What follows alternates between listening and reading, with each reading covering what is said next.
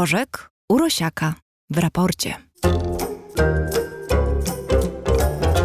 Doktor Tomasz Rożek jest z nami, gospodarz kanału Nauka to Lubię. Witam cię serdecznie. Dzień dobry. Wróciłeś niedawno z Centrum Kosmicznego w Gujanie Francuskiej, co samo w sobie jest powodem do rozmowy, ale okazuje się, że jest to Europejskie Centrum Kosmiczne.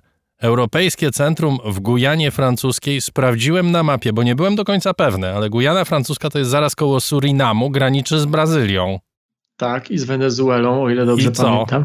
O co pytasz? Gdzie to dlaczego, jest? Jak tam jest? Dlaczego Czy Europejskie dlaczego? Centrum Kosmiczne? No nie, bo to jest, rozumiem, terytorium zamorskie Francji, tak? Tak, to jest w zasadzie Francja, co jest dość, no, z naszego punktu widzenia dość abstrakcyjne, naszego polskiego, naszej historii.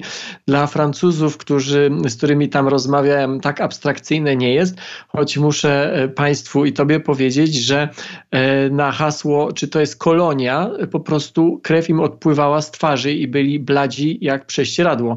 Więc nie do końca zrozumiałem, jaka jest różnica między kolonią a państwem, które w zasadzie nie jest państwem, gdzie walutą jest euro, gdzie jest europejski roaming, choć jest to Ameryka Południowa. Nie no, różnica jest taka, że to nie jest kolonia podległa Francji, tylko jest to część Francji. Jest to terytorium zamorskie, które ma wszystkie prawa i obowiązki francuskie.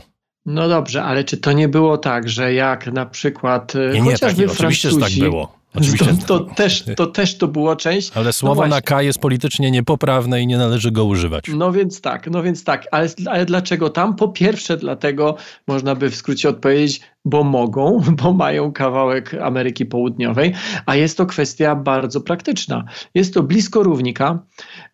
Na dodatek, e, a to ma znaczenie swoje czysto takie techniczne w momencie, jeżeli em, jesteśmy na równiku albo blisko równika i strzelamy rakietą w kierunku wschodnim, to już na wstępie rakieta ma prędkość y, obrotową Ziemi, więc już na etapie y, no, takim pierwszym startowym ona już ma całkiem dużą prędkość, a to się przekłada na, na y, chociażby oszczędność paliwa.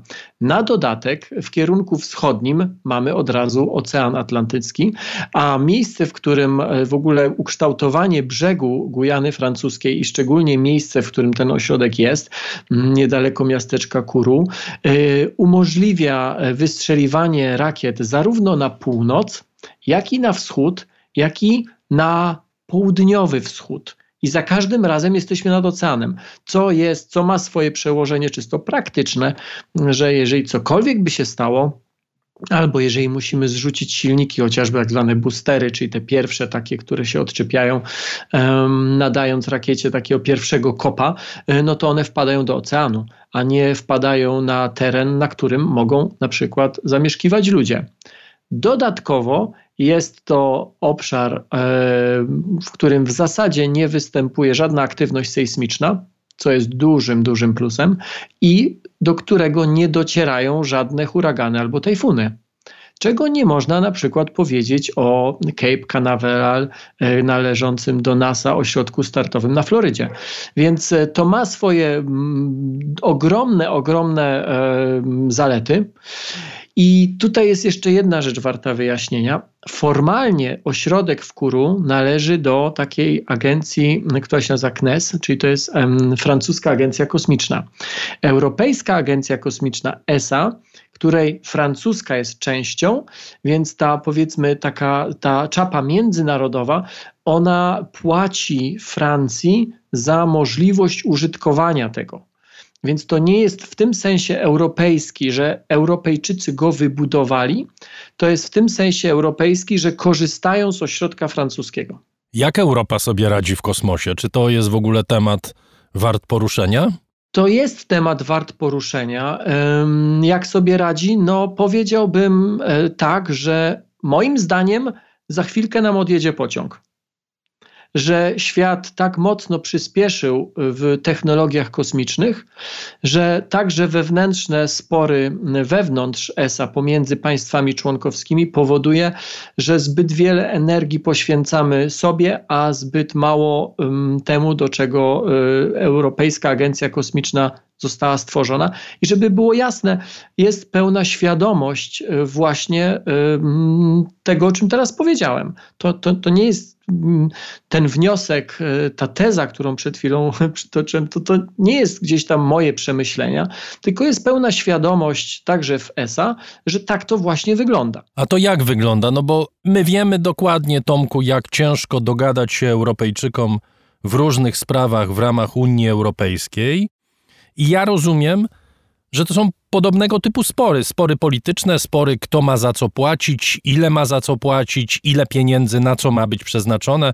Domyślam się spory kompetencyjne i tak dalej. Tak, a dlaczego moja część składki e, jest wydawana na technologie, które ma mój sąsiad?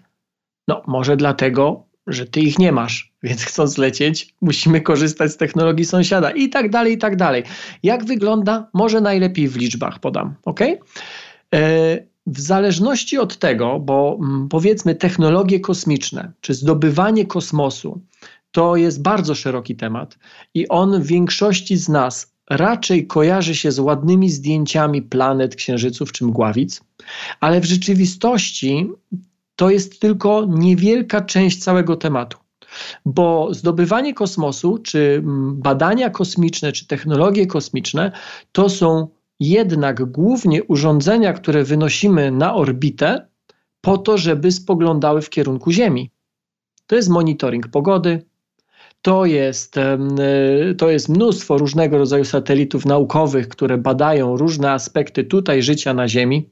Także e, to, to może warto też powiedzieć przy tej okazji, e, o zmianach klimatu to my się głównie dowiadujemy z kosmosu, a nie z tego, co jest tutaj to, to dzięki temu, że jesteśmy w stanie technologicznie wyjść troszeczkę na zewnątrz i spojrzeć z góry dosłownie, yy, bardzo wiele procesów jesteśmy w stanie łatwiej zrozumieć i monitorować. Ale to oczywiście jest także komunikacja to oczywiście są także satelity szpiegowskie. E, w raporcie, e, no trudno, żeby było inaczej, bardzo dużo miejsca, czasu poświęcasz na e, opowiadanie czy na rozmowę na temat sytuacji za naszą wschodnią granicą. Ta wojna wciąż jeszcze trwa, Ukraina wciąż jeszcze się broni.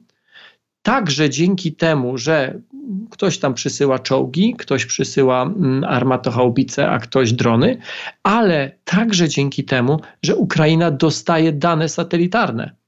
Bez tego te czołgi, te haubice i to wszystko inne byłoby niewiele warte. Ale sugerujesz, że akurat na przykład w produkcji, w rozmieszczeniu satelitów, które informują na temat y, położenia wojsk rosyjskich, czy w ogóle na temat sytuacji y, frontowej, odgrywają rolę europejskie firmy i sama ESA? Z całą pewnością nie mam wiedzy na ten temat, gdyż jest to wiedza ściśle tajna. tajna. oczywiście, tak. Natomiast wiem o tym, że e, obraz e, taki cyfrowy sytuacji na froncie e, to jest nałożenie danych, które mm, pochodzą z satelitów zarówno amerykańskich, jak i europejskich, e, wydaje mi się, że głównie francuskich i być może także dlatego Polska nie tak dawno temu podpisała umowę kupna e, satelitów właśnie wojskowych e, od Francji. Więc, więc tutaj jasne, że nie mam pełnego obrazu sytuacji, ale wiem, że mm, także amerykańskie firmy, e, startupy, mm, wydaje mi się, mm, nawet jestem tego chyba pewien, że e, mniej lub bardziej związane z amerykańską armią, jak mało kto potrafi integrować dane satelitarne z danymi naziemnymi. E, bez tych satelitarnych strona ukraińska nie miałaby pełnego obrazu sytuacji. To jest bardzo ważne to, co ty mówisz, dlatego że my schodzimy, że tak powiem, z nieba na ziemię. Tak. tak? My czasem myślimy, że badania kosmosu to są badania jakichś bryłek, skał, jakichś dziwnych rzeczy, które się tam ruszają w przestrzeni kosmicznej, a my mówimy o bardzo konkretnych rzeczach, które przekładają się na codzienne życie ludzi, w tym wypadku na bezpieczeństwo ludzi. Tak, i dlatego od tego zacząłem.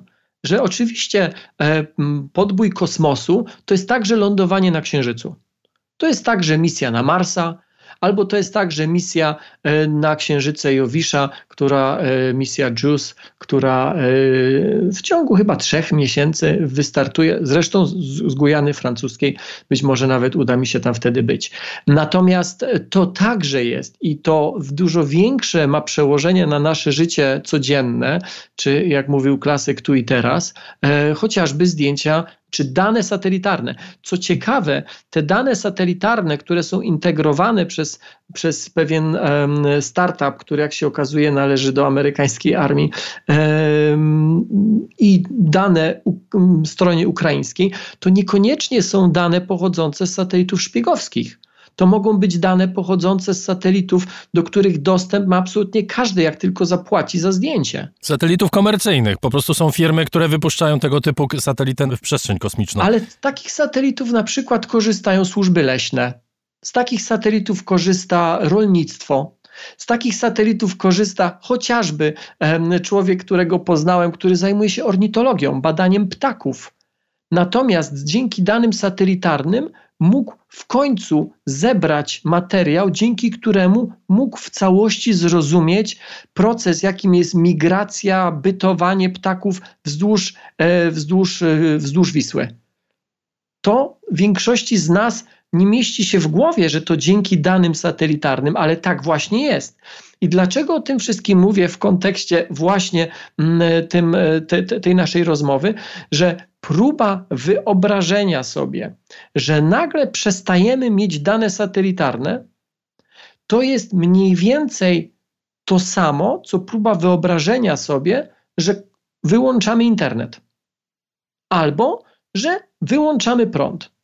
Współczesna gospodarka w żadnym aspekcie swojego funkcjonowania nie jest w stanie działać bez szeroko rozumianych technologii kosmicznych.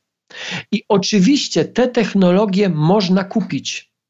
One są na rynku. Je rozwijają Amerykanie, Chińczycy, coraz częściej Hindusi.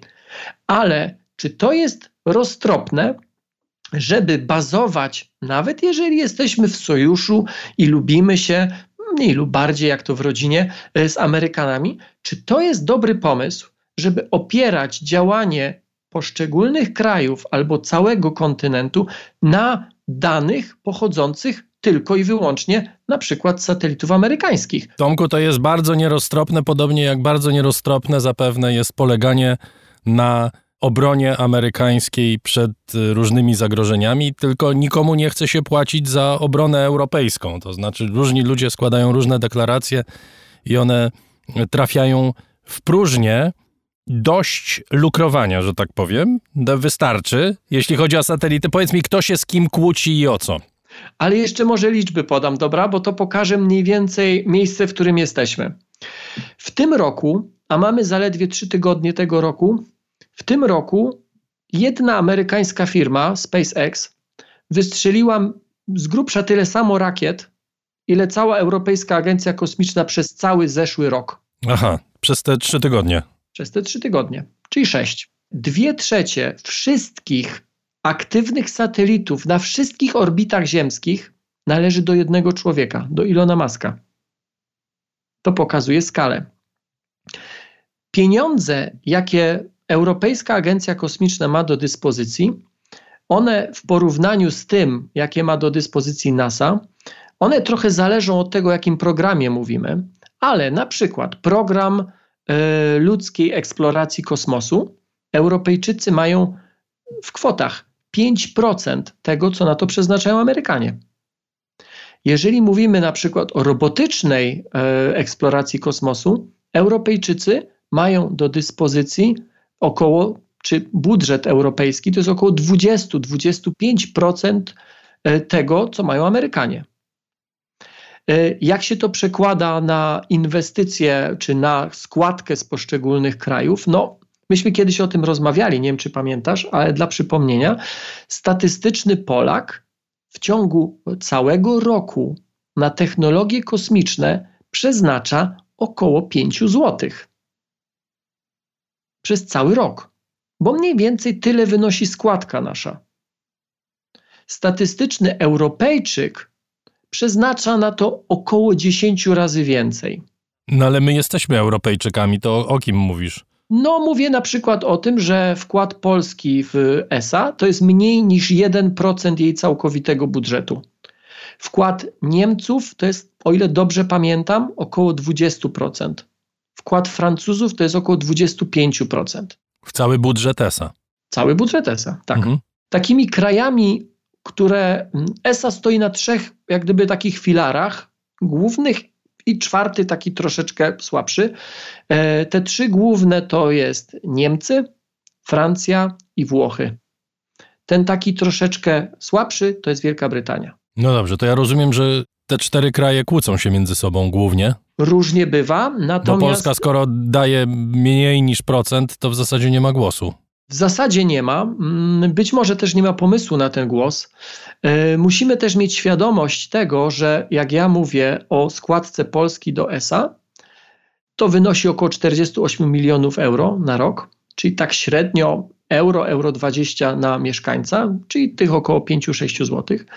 Natomiast e, to nie chodzi o to, że my te pieniądze wypłacamy i ich więcej nie widzimy. W zeszłym roku Polska w kontraktach dostała, czy dostała zwrot 96% tej kwoty. Innymi słowy, wypłacamy z grubsza 50 milionów, ale otrzymujemy jakieś 48 z powrotem w zamówieniach dla naszego przemysłu, dla naszych naukowców i dla naszych inżynierów, żeby oni coś dla ESA wykonali. W efekcie ja nie wiem, czy w ogóle powinniśmy mówić, że my cokolwiek na to wydajemy. Natomiast niewątpliwie zarabiamy, ponieważ te technologie tutaj zostają.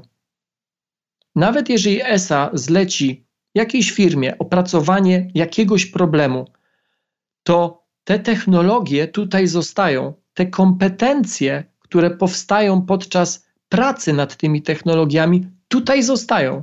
Polska tylko i wyłącznie na tym zyskuje, jak zresztą też inne kraje, które wkładają pieniądze w technologie kosmiczne. Zyskuje na tym i e, byłoby, hmm, jakby to powiedzieć, e, powiedziałbym tak, zyskiwalibyśmy jeszcze więcej, gdybyśmy dawali więcej.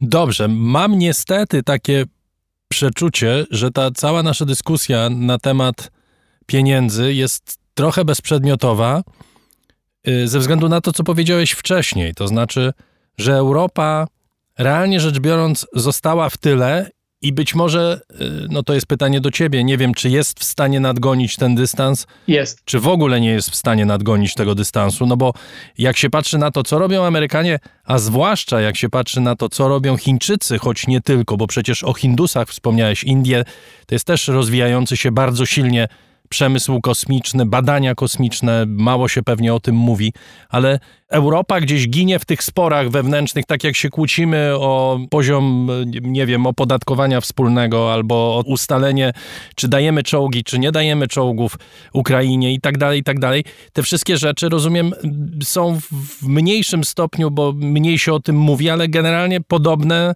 właśnie w ramach Europejskiej Agencji kosmicznej, a zatem w ramach w ogóle tego wszystkiego, co się myśli i co się robi w związku z kosmosem w Europie? Ja bym nie powiedział, że to jest w ramach Europejskiej Agencji Kosmicznej. Te spory odbywające się na wielu różnych poziomach czy w różnych tematach, one przekładają się na działanie Europejskiej Agencji Kosmicznej.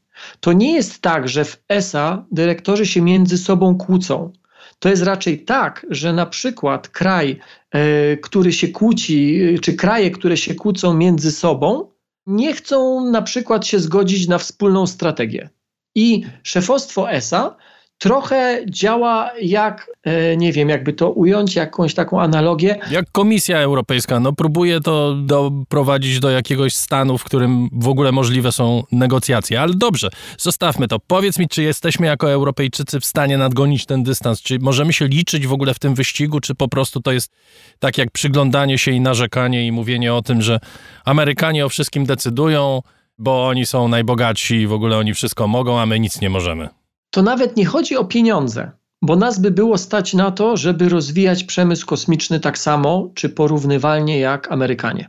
Tu chodzi o wiele innych elementów. Natomiast pomijając te wszystkie elementy, jeżeli pytasz, czy my jesteśmy w stanie to nadgonić, to nie jest tak, że pociąg odjechał. To jest tak, że on odjeżdża. I wydaje mi się, że najbliższe 2, 3, 4 lata są latami kluczowymi.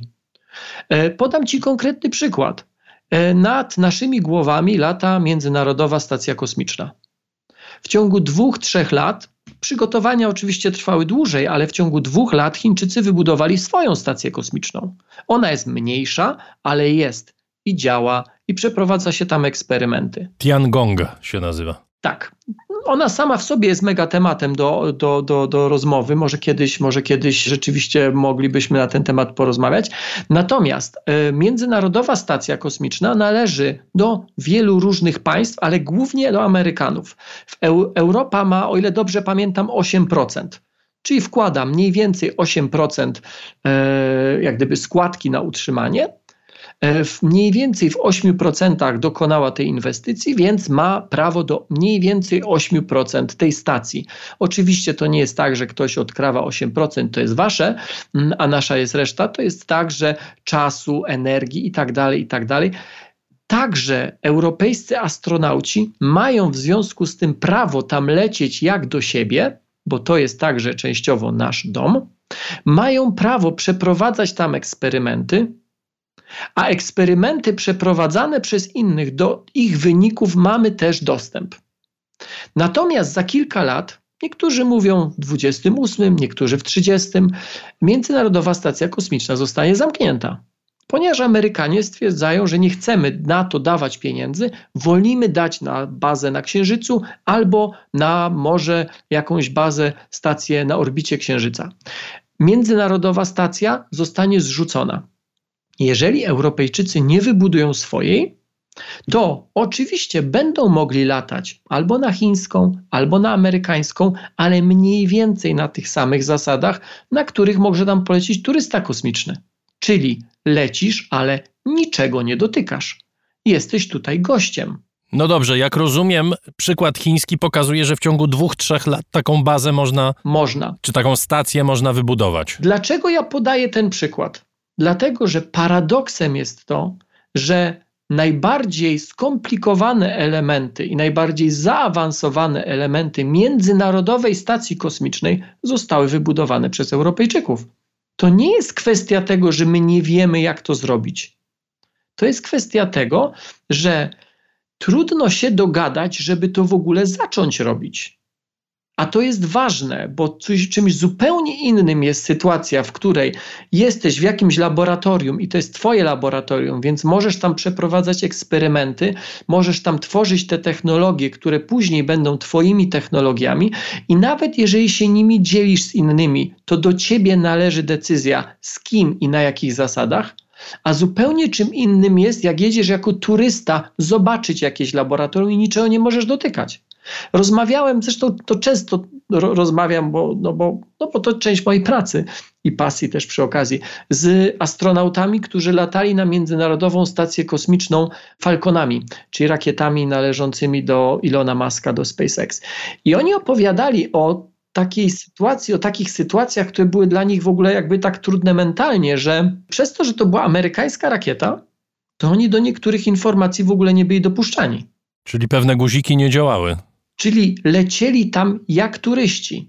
Owszem, jak już tam dolatywali, to już byli w domu. Nie, no bo na Międzynarodowej Stacji Kosmicznej Europejczycy są u siebie w domu. Natomiast lot już był lotem, w którym pewne rzeczy były zamknięte. Nie dotykaj, tego ci nie powiemy, tego nie możesz wiedzieć, do tych treści nie masz dostępu. Tomku, mamy jasność, dlaczego lepiej jest y, mieć tego typu urządzenia niż ich nie mieć. Na koniec pewnie będziemy musieli wrócić, jeżeli mamy wyciągnąć choćby jeden wniosek z naszej rozmowy, czy słuchacze raczej. Rozumiem, że problemem jest porozumienie między państwami europejskimi, tak? Tu jest pies pogrzebany, tu jest problem. Tych psów pogrzebanych jest kilka. Pierwszy to jest to, że e, powinniśmy w te technologie inwestować więcej. I specjalnie mówię inwestować, a nie dawać na nie, bo to jest rzeczywiście inwestycja i to inwestycja, która bardzo, bardzo szybko się zwraca. Nie, nie, nie mówię, wyskakujmy z dużych pieniędzy, ponieważ warto, bo wypada. Nie. Mówię, że nawet właśnie dlatego, że jesteśmy w różnych kryzysach, warto zainwestować więcej. I mówiąc więcej, nie mam na myśli dodajmy trzy zera. Mówię, zamiast tej jednej kawy na mieście, albo w przypadku średnio Europejczyków powiedzmy trzech kaw na mieście, w ciągu całego roku warto dać cztery albo pięć, nie pięćdziesiąt, tylko cztery albo pięć. To jest jak gdyby pierwszy, pierwsza kwestia, czyli zgoda w poszczególnych krajach na to, żeby inwestować więcej w technologie, które mają ogromne przełożenie na życie, na zdrowie i także na rozwój gospodarek. Druga sprawa, jak tych pieniędzy jest więcej, choć ciut więcej, to dogadajmy się co do priorytetów. Z tym też jest kłopot. I to są dwa wnioski, które ja mam. Dziękuję Ci bardzo. Doktor Tomasz Rożek, gospodarz kanału Nauka to Lubię, był gościem raportu o stanie świata i doktor Tomasz Rożek wróci do raportu. Dziękuję Ci. Dziękuję bardzo.